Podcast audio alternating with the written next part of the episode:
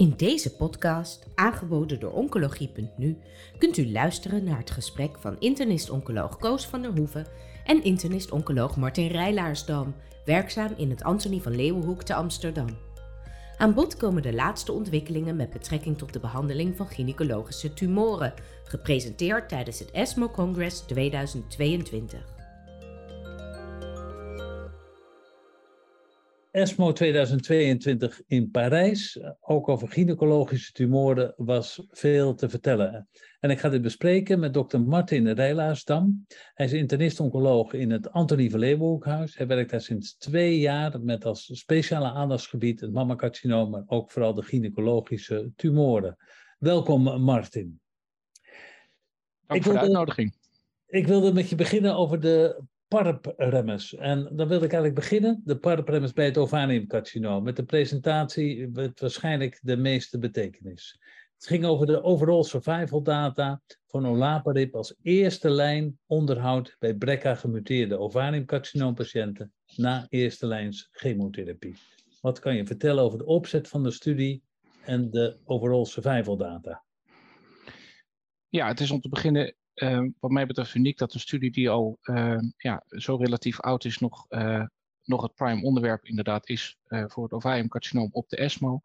Ehm, en er werd onderzocht bij patiënten met een BRCA-mutatie, uh, olaparib versus placebo, met als primair eindpunt in deze gerandomiseerde trial de progressievrije overleving. En de landmark-publicatie uit 2018 die liet inderdaad zien dat mensen hun ziekte uh, minder snel terugkregen met een hazard ratio van 0,3. De data die op ESMO werd werden gepresenteerd voor deze onderhoudsbehandeling in eerste lijn was de zevenjaars descriptieve analyse van de overall survival data. Um, en het is uh, belangrijk om te vermelden dat in deze studie de patiënten na 24 maanden stopten met de behandeling en uh, dat 44 procent, uh, procent, van de patiënten in de placebo-groep later in hun behandeltraject alsnog een parprem hebben gekregen. Ja. Als je kijkt naar de OS-data op 84 maanden, dan zie je dat er een verschil is tussen de placebo-groep van 46,5% en olaparib van 67,0% in overall survival. Dat levert een hazard ratio op van 0,55, ondanks dat die mensen al lang gestopt zijn met hun behandeling. Dat ja. is wat mij betreft een uh, uh, inderdaad een hard, heel belangrijk resultaat om te presenteren. Ja, een, een heel groot verschil. Een heel groot um, verschil. Een aanhoudend verschil ook, lang na de stop van de behandeling, waarbij je zelf zou kunnen bedenken dat een deel van deze patiënten gecureerd is na de behandeling, aanvullende behandeling met olaparib, door de olaparib. Was er nog iets te zeggen over subgroepen die het misschien beter deden of slechter deden? Dat heb ik uit die presentatie niet heel sterk kunnen halen. Nee. En je hebt al eventjes aangegeven dat er de crossover was. Maar was er nou nog iets te zeggen over die crossover? Deden die mensen het uiteindelijk toch slechter? Um, dat heb ik ook niet in die presentatie gezien. Nee. Um, als je nou kijkt, um, mensen die hebben chemotherapie gehad en die hebben daar wellicht een hele goede respons op en ze krijgen dan onderhoud olaparib. Uh, dat dat is voor sommige mensen twee jaar nog wel eens ingewikkeld. Waren er veel bijwerkingen? Er waren zeker meer bijwerkingen in de olaparib, uh, olaparib groep dan in de placebo groep. Um, uh, als je kijkt naar het aantal bijwerkingen waardoor mensen stopten met de medicatie, was dat ongeveer vier keer zo hoog, 12% versus um, uh, 3%. Ja. Als je dan kijkt wat de ernstige bijwerkingen waren, dan zijn dat de bijwerkingen die we inmiddels um, vrij goed kennen van olaparib namelijk de gastro-intestinale toxiciteit, waarbij misselijkheid bovenaan staat, vermoeidheid um, en de beenmergtoxiciteit met, uh, uh, met vrij veel graad 3 anemie. Uh, ja. En dat was de reden dat de mensen daar vaker mee stopten. Ja, die misselijkheid, is dat iets van voorbijgaande aard? Dat is iets wat met een dosisreductie vaak wel, vaak wel te managen is. Ja. Maar toch nou, zie je dat hè, een, 12% uiteindelijk in totaal dan voor alle tox er wel mee moet stoppen in deze studie. Ja, wat was voor jou nou de, de, de, de, de duiding van deze studie, van deze overall survival data? Wat betekent dat nou voor de praktijk in Nederland?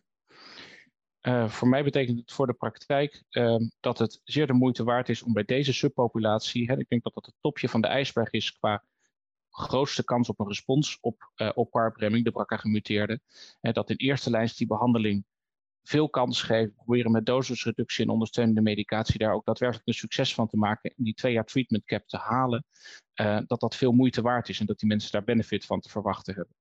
Wat ik ook nog wel belangrijk vind om over de studie te zeggen, is dat de twee jaar treatment cap gold voor de mensen zonder zichtbare ziekte. Mensen die op dat moment nog zichtbare ziekte hadden, die konden ook langer gebruiken.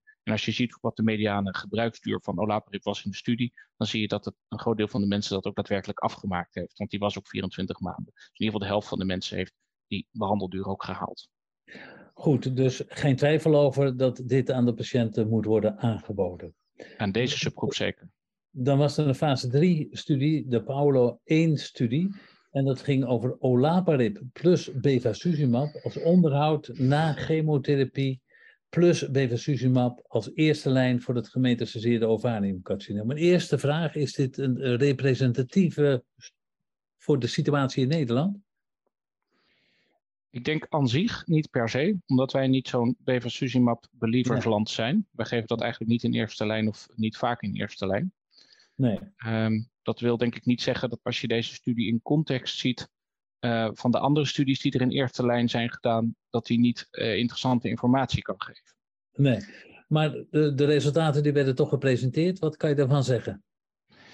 Um, de eerste bevinding is, uh, denk ik, dat wederom ook weer in deze studie hè, de BRCA gemuteerde, de mate van haar D-deficiëntie bepaalt toch het effect van de PARP-remming. De, um, uh, de overleving van de BRCA gemuteerde had een hazard ratio van 0,6 uh, en uh, dat zie je uh, oplopen naar 1,9 in de HRD-negatieve groep. En er zat ja. ook nog een groep bij die wel op een of andere manier HRD-deficiënt was, getest op, op, met een gentest, maar, um, maar niet BRCA gemuteerd. dus dat is het eerste. Dus wederom die top van de ijsberg, die heeft het meest te verwachten. En een, een, een redelijke vervolgvraag zou kunnen zijn, hè, hebben die andere um, mensen die niet wakker gemuteerd zijn uh, en HRD negatief zijn, wat we niet in Nederland testen, hebben die dan niks te verwachten van PARP-remming. Daar geeft wat mij betreft de Paola One voor de Nederlandse situatie niet direct antwoord op. Maar als je kijkt naar de resultaten van de Prima en de Prime en de Athena Mono die gepresenteerd werden, dan zie je eigenlijk dat die drie studies, die keken naar first-line maintenance PARP-remming, um, bij um, een bredere groep patiënten, maar dus ook bij een HRD-proficiënte populatie, dat die allemaal een beperkt overlevingswinst van enkele maanden laten zien. Um, of beperkte uh, winst laten zien van enkele maanden. En het belangrijkste verschil met die Paola-1-studie die gepresenteerd is, is dat er geen bevacizumab in zat. Ja. En wat ik heel interessant vond, is een plaatje wat getoond werd, uh, um, waarbij de Paola-1 mensen werden geselecteerd. Dus de mensen uit de Paola-1-studie werden gehaald die ook in de Prima-studie hadden gekund. Ja. En die werden over elkaar heen geplot. Dat is natuurlijk een cross-trial comparison met alle nadelen die daarbij horen. Maar daar zie je eigenlijk dat de mensen uit de Paola Wandu dus allemaal bevacizumab kregen, in welke arm je ook zat. Het allemaal beter deden dan de mensen die in de prima zaten. Ja. Met andere woorden, het, het ontbreken van het effect van de PARP-remmers in de Paola One-studie wordt misschien wel in de HRD-negatieve groep, dus zonder de homologe recombinatiedeficiëntie, ten dele verklaard door het geven van de bevacizumab. Nogmaals, cross-trial comparison, maar het, het plaatst de vier studies die gedaan zijn naar eerste lijns onderhoudsbehandeling in niet BRCA gemuteerde HRD-negatieve patiënten in context. We komen daar dadelijk nog eventjes op terug, want er was nog een, een fase 3-studie, de Ariel 4-studie, en die ging over rucaparib versus chemotherapie bij een recidief ovariumcarcinoom, maar nog wel cisplatinum gevoelig en met een BRCA-mutatie. Wat kan je daarover zeggen? Ja, de, de, het, wat mij betreft het interessante aan die studie was dat de rucaparib daar als monotherapie werd gegeven. Dus ja. niet na chemotherapie. Hè? En overigens zaten daar niet alleen platinumgevoelige patiënten in. Uh, daar zaten ook resistente en party-sensitives uh, in. Uh, en afhankelijk van de platinumgevoeligheid bepaalde de, het chemoregime in de controlearm. Dus de resistente en de partial gevoelige tot 12 maanden post laatste platinum die kregen paclitaxel mono. Um, en mensen met een recidief uh, na meer dan 12 maanden, die kregen platinum gebaseerde chemotherapie. Um, wat de Aerial 4 liet zien, want wat er gepresenteerd werd op de ESMO was een update uh, op de OS-data, uh, um, is dat, nou, eigenlijk jammer genoeg, de chemotherapiearm leek het beter te doen. Ja. Wat daar wel een probleem is, is dat 90% van de patiënten in deze studie uiteindelijk parpremming hebben gekregen. Dat betekent dat ehm, er wel pogingen zijn gedaan tot een statistische analyse om dat effect van die crossover eruit te halen. Hè, door alleen te kijken naar degenen die geen crossover hebben gehad, of hier op een andere manier voor te corrigeren. Eigenlijk was daar geen beter effect uit te halen, of beter resultaat uit te halen dan dat in sommige van die analyses het voordeel van de chemotherapie leek weg te vallen. Dus ik denk dat de Ariel 4, de update die gegeven is, niet een voordeel van rucaparib monotherapie ten opzichte van chemotherapie heeft kunnen aantonen. Um, ik denk ook dat het te ver gaat om te zeggen uh, dat de chemotherapie aan de armen definitief beter deed. Ik denk dat deze studie is overspoeld door een enorme hoeveelheid crossover, um, wat een deel van dat effect van die chemotherapie kan verklaren. Als we nou allemaal, Als we het allemaal nou op een rijtje proberen te zetten. We hebben ongeveer tien jaar in studieverband en later ook in de algemene praktijk ervaring opgedaan met PARP-remmers bij het ovariumcarcinoom. Wat zou dan nu de stand van zaken moeten zijn? Wanneer moeten we het inzetten? En bij wie? De stand van zaken voor PARP-remming is wat mij betreft dat bij de BRCA gemuteerde het um, een hartstikke belangrijke rol heeft om het in de eerste lijn meteen in te zetten. Um, ik denk dat we in Nederland en misschien wel wereldwijd um, nog uh, een goede test missen om niet BRCA gemuteerde, maar wel homologe recombinatie deficiënte patiënten aan te tonen. Ik denk ook dat die, zolang we geen functionele testen die bijvoorbeeld RAD51 kunnen aantonen hebben, dat het ingewikkeld is om met genomische testen dat aan te tonen. Ik denk ook dat de efforts die gedaan worden met als gouden standaard bijvoorbeeld de Myriad testen, dat die problematisch kunnen zijn, want die Myriad test, de gouden standaard, is al niet goed. Dus het is ingewikkeld om de patiënten te identificeren die baat hebben bij parpremming, meer baat hebben bij parpremming dan de echte HRD-negatieve. En ik denk daarom dat we er nu op uit moeten komen dat we op basis van de Prima, de Prime en de Athena Mono um, uh, en beschouwende dat de Paola One niet op de Nederlandse situatie aansluit, hè, dat parpremming in de eerste lijn een plek heeft in de behandeling van het ovariumcarcinoom, maar tegen de niet-BRCA gemuteerde wel patiënten en tumoren wel eerlijk moeten zijn dat de winst in maanden ligt en dat daarbij toxiciteit uh, minder acceptabel is dan bij de BRCA-patiënten, waarbij de kans dat je het goed doet een stuk groter is. Ja, je sprak over de moeilijkheid om die HRD te bepalen. Zou dat niet met whole genome sequencing kunnen? Ja, ik, ik zit er dan dus mee dat je dat wat mij betreft zou moeten vergelijken met, um, de, uh, met een echte functionele HRD-test zoals uh, RAD51, wat erg ingewikkeld is nog op, op bijvoorbeeld FFPE-materiaal. En dat is voor een kleine set van HRD-negatieve uh, in de Scott 4 data gedaan. Uh, waarbij bleek dat in de, de Myriad, de, de, tumoren die de Myriad-test homologe, uh, deficiëntie aantoonde. Hè, daar was dat prima, uh, dat bij de RAD51-expressie. dus die patiënten hadden echt een probleem met DNA-reparatie, of die tumoren in ieder geval. Als je kijkt bij de HRD-negatieve subset, dan zie je dat de helft van de HRD-negatieve tumoren alsnog een RAD51-expressie hadden die functioneel paste bij een deficiënte tumor. Die patiënten hebben misschien best wel baat bij een PARP-remming, maar die andere niet. Ik denk dat we ook nog zouden kunnen kijken dat je niet alleen whole genome sequencing doet, maar dat je ook specifiek gaat kijken naar subgroepen van tumoren waarvan je weet, die, die, die zijn qua prognose zo slecht en reageren um, überhaupt heel slecht, zoals bijvoorbeeld de cycline 1-amplificaties. Dat is 15% van de ovariumcarcinomen uh, en die zou je eruit kunnen vissen. En daar zou je aan kunnen uitleggen aan die patiënten dat parpremming hun heel weinig gaat opleveren. Vooral ook omdat die mutaties uh, mutually exclusive zijn in vrijwel alle tumoren met BRCA-mutaties. Misschien wel een goed onderwerp voor een andere podcast. Ik wilde eventjes overschakelen naar de andere gynaecologische tumoren. Het endometriumcarcinoom en het cervixcarcinoom. Maar misschien eerst nog een klein overstapje. Immuuntherapie bij het ovariumcarcinoom. Was daar nog, uh, waren daar nog presentaties die van belang zijn voor de Nederlandse praktijk? De Atalanta-trial heeft gekeken naar uh, chemotherapie plus, plus bevacizumab uh, met of zonder atezolizumab uh, in een plaatsinggevoelige setting, relapse. En daar is geen significant resultaat uitgekomen. En dat sluit aan op de Javelin trials en de Imagine 050 die eerder zijn gedaan. Dus wat betreft PD-alleen-remming, remming van de PD-alleen-as, blijven de resultaten voor het ovariumcarcinoom negatief. Dan gaan we gelijk maar naar het endometriumcarcinoom. Want er was een update van de Keynote 755 over immunotherapie. Wat kan je daarover vertellen? Ja, ook daar blijven eigenlijk de resultaten intact van wat we al uh, eerder gezien hebben. Uh, uh, de Keynote 755 die um, onderzocht lenvatinib pembrolizumab versus chemotherapie in groter dan gelijk de tweede lijn, dus na platinumbevattende chemotherapie. Ehm, en wat belangrijk is bij deze studie is dat het overgrote deel van de mensen een MMR-proficiënt fenotype hadden. Dus dit waren niet de MMR-deficiënten, maar 84% was proficiënt voor de mismatch repair eiwitten. En kon dus in principe in staat om zijn DNA op een normale manier te repareren. Ja. Ehm, in de Len-Pembro-arm werd een objective response rate gezien van 33%. En uh, de OS-winst bleef uh, uh, eigenlijk stabiel in de, in de langere follow-up. zes tot zeven maanden in de all-comer en de MMR-proficiënte populatie. Dus eigenlijk bleven daar de resultaten hoopvol als tweede lijn, omdat er geen tweede lijn is.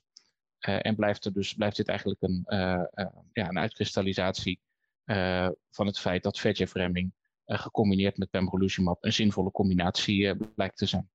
Ja, je, je noemde al even, je hebt ook de MSI, uh, je hebt ook de MSI endometriumcarcinomen. Daar ga je kan ik iets anders vertellen over de immunotherapie. Ja, ik wou nog één, één ding zeggen over de Keynote 755. Wat ik daar interessant vind en waar ik erg benieuwd naar ben. Hè, de, uh, de LEAP uh, 001 trial loopt en dat is eigenlijk de Keynote 755 in de eerste lijn. Ik ben heel benieuwd wat daaruit komt. Um, en dat is al best snel, die completion van die trial, die staat al voor het voorjaar van volgend jaar gepland. Dus hopelijk dat we daarna snel uh, meer kunnen gaan zien. Voor de MMR-proficiënten uh, is de response rate op mono-immuuntherapie een stuk hoger uit vroege trials. Die, die tikt echt uh, de 30, 40, 50, sommige studies zelfs bijna de 60% aan.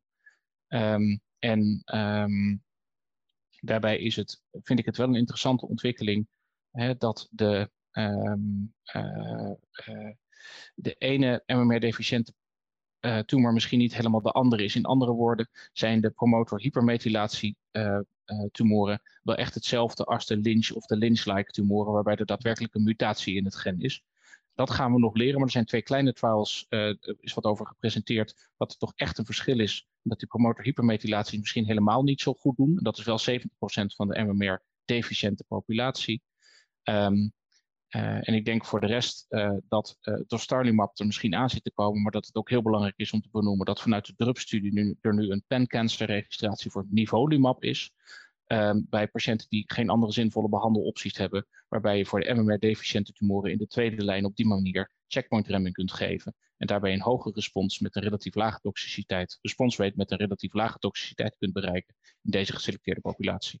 En dat is mogelijk in principe voor al deze patiënten op dit moment in Nederland. Dat is mogelijk voor alle MSI-tumoren, dus ook voor de uh, endometriumcarcinoom. Ja. Ik wilde over de immuuntherapie bij het cervixcarcinoom gaan praten. Daar was de Checkmate 358-studie. En die ging over nivolumab en ipilimumab bij het uh, teruggekeerde cervixcarcinoom of het gemetastaseerde cervixcarcinoom. Wat kan je daarover zeggen? Ja, de update die daarover werd gegeven was eigenlijk uh, de toegevoegde arm met hoge dosering ipilimumab. Dus die studie had drie armen, nivolumab monotherapie, uh, nivolumab uh, 3 IP1 en niveau 1 IP3 milligram per kilogram. de belangrijkste resultaten zijn wat mij betreft uit die tabel die daar gepresenteerd werd in ieder geval, dat de objective response rate in de eerste lijn echt een stuk beter is uh, dan als het in hogere lijnen werd gegeven. Dan moet je denken bij de niveau 3 IP1-arm dat dat 39% versus 26% was. En de niveau 1 IP3 uh, 41 versus 35. En wat ik verder opvallend vond, is dat in de um, PD-alleen uh, overexpressed arm van de cervixcarcinomen, dus met een PD-alleen uh, hoger dan 1, daar was uh, van de combinatietherapie niet zozeer heel veel meer winst te zien dan van de mono-nivolumab, dus enkele checkpoint remming. Maar je ziet dat bij de tumoren met een lagere PDD-expressie er um, mogelijk wel um, uh, uh, meer winst was te verwachten van een uh, combinatiebehandeling. Dat sluit niet helemaal aan op de update die werd gepresenteerd over de Empower Cervical One. Dus dat is uh, in tweede lijn voor, voor de immuuntherapie. Waarbij in tegenstelling tot de publicatie uit maart 2022 er eigenlijk uh, geen predictief effect meer werd gezien van de semiplimab in de PD-alleen enriched groep, maar nu een gelijk effect voor de PD-alleen groter en kleiner dan 1. Allebei beter dan chemotherapie. Um, er werd, hoe, moet je dit, hoe moet je dit nu een klein beetje in perspectief zien? Dus wat is de betekenis van immunotherapie op dit moment voor een patiënt met een gemetastaseerd cervixcarcinoom? Korte termijn denk ik dat wat op de ASCO gepresenteerd is ehm, nog het allerbelangrijkste is. En, en wat natuurlijk al eerder gepresenteerd is door uh, Colombo en Tewari. Dat zijn, is de keynote 826 waarbij um, uh, pembrolizumab wordt toegevoegd aan de eerste lijn. Uh, met een, met een OS-winst van, van 10%. Um, wat nu met de Empower Cervical One werd laten zien, was met name de tweede lijn PD-L1-remming. En dat is natuurlijk interessant. De mensen die in eerste lijn dat niet konden krijgen omdat ze niet PD-L1-enriched waren, of uh, PD-L1-overexpressie hadden, kunnen die dat dan in tweede lijn krijgen op basis van de Empower Cervical One. En daarvoor is natuurlijk, zijn ze op zoek naar een OCOMA-registratie. Um, ik vond het een, een valide punt van Anna Ooknin om te maken dat in de keynote 826, dus de eerste lijnsbehandeling, dat daar bijna 90% van de patiënten uh, uh, geen PD-L1, sorry, PD-L1 high hadden, dus meer dan 1%. Dus de keynote 826 die geeft geen antwoord op de vraag of het voor de groep zonder PD-L1-expressie eigenlijk geen zin heeft. Ja. Dat komt in de BCC-trial en in de tweede lijn laat de Empower Cervical One daar wel degelijk een winst van zien. Ja. Dat heeft zich nog niet vertaald in registraties. We zitten te wachten op de registratie voor pembrolizumab in de eerste lijn, naast okay. chemo. Daar wachten we op. Uh, Martin, je hebt een heleboel zaken benoemd. Waren er nou nog dingen waarvan je zegt van nou, dat heeft geen consequenties morgen in de spreekkamer, maar die je wel beloftevol vond? Um, ik vond wat dat betreft uh, bij het cervixcarcinoom uh, werd kort wat genoemd over uh. Dat is een bispecifiek antilichaam waarbij PD-L1 en uh, CTLA4, dus de twee meest toegepaste immuuntherapie targets op dit moment, gezamenlijk werden aangepakt in één antibody. Waarbij je bij het cervixcarcinoom objective, objective response rates 33% zag. En mechanistisch een heel, um, wat mij betreft, interessante studie. En ik denk dat bij het endometriumcarcinoom nog genoemd moet worden dat de Rainbow Green Trial open is in Nederland. Waarbij in de adjuvante setting wordt gekeken of je bij MMR-deficiënte tumoren, hè, bij het gekende gebrek aan respons van immuuntherapie met misschien, of sorry, chemotherapie met immuuntherapie in de adjuvante setting een overlevingswinst kunt creëren. Ik denk dat dat de belangrijkste twee dingen zijn die ik nog op ESMO heb opgepikt. Oké, okay, nou heel hartelijk dank voor de informatie die je gegeven hebt en graag tot de volgende keer. Dankjewel. Dank u wel. Bent u geïnteresseerd in meer podcasts? Deze zijn te vinden op de website oncologie.nu